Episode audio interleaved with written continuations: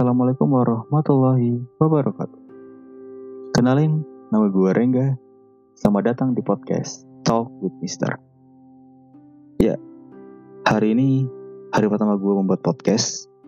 Untuk mengawali bulan Ramadan ini juga, gue iseng untuk membuat podcast tentang teladan dari suatu kisah. Dan selama 30 hari ke depan, insya Allah, gue akan membuat cerita atau ya cerita yang udah ada dari kisah Nabi atau mungkin kisah-kisah yang kita bisa teladani kisah tersebut.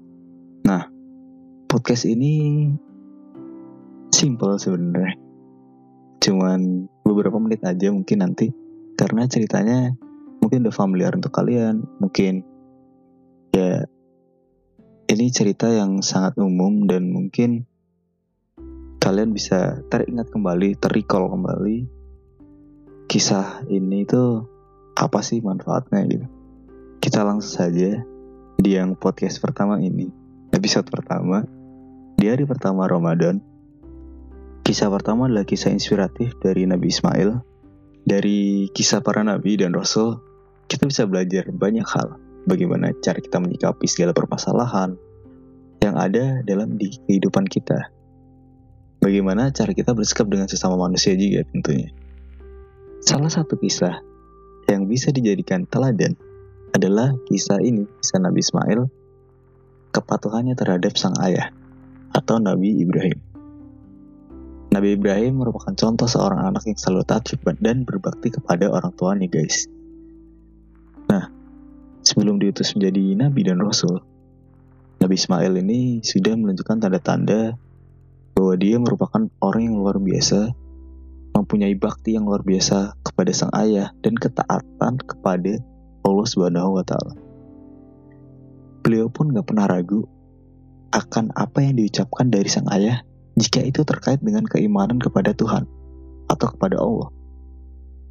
Saat Nabi Ismail berada di usia remaja, turunlah suatu perintah dari Allah Subhanahu wa taala kepada sang ayah untuk menyembelih Nabi Ismail atau anaknya ini.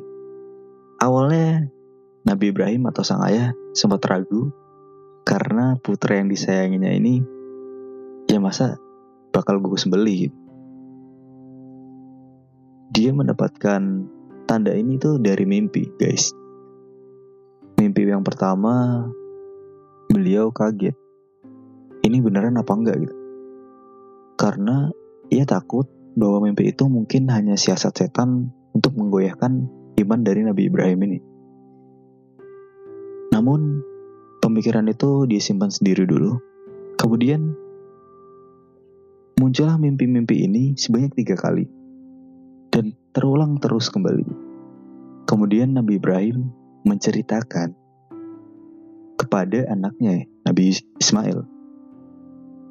Kemudian Nabi Ibrahim menjelaskan bahwa beliau akan menyembeli Nabi Ismail. Mengetahui jika Nabi Ismail harus dikorbankan, Nabi Ismail bukannya takut. Beliau justru dengan sukarela dan tanpa ragu bersedia untuk dikorbankan oleh sang ayah demi memenuhi perintah dari Allah Subhanahu wa taala. Betapa patuh dan taatnya beliau kepada sang ayah terutama dalam perintah Allah nih guys. Kita bisa lihat dari sini.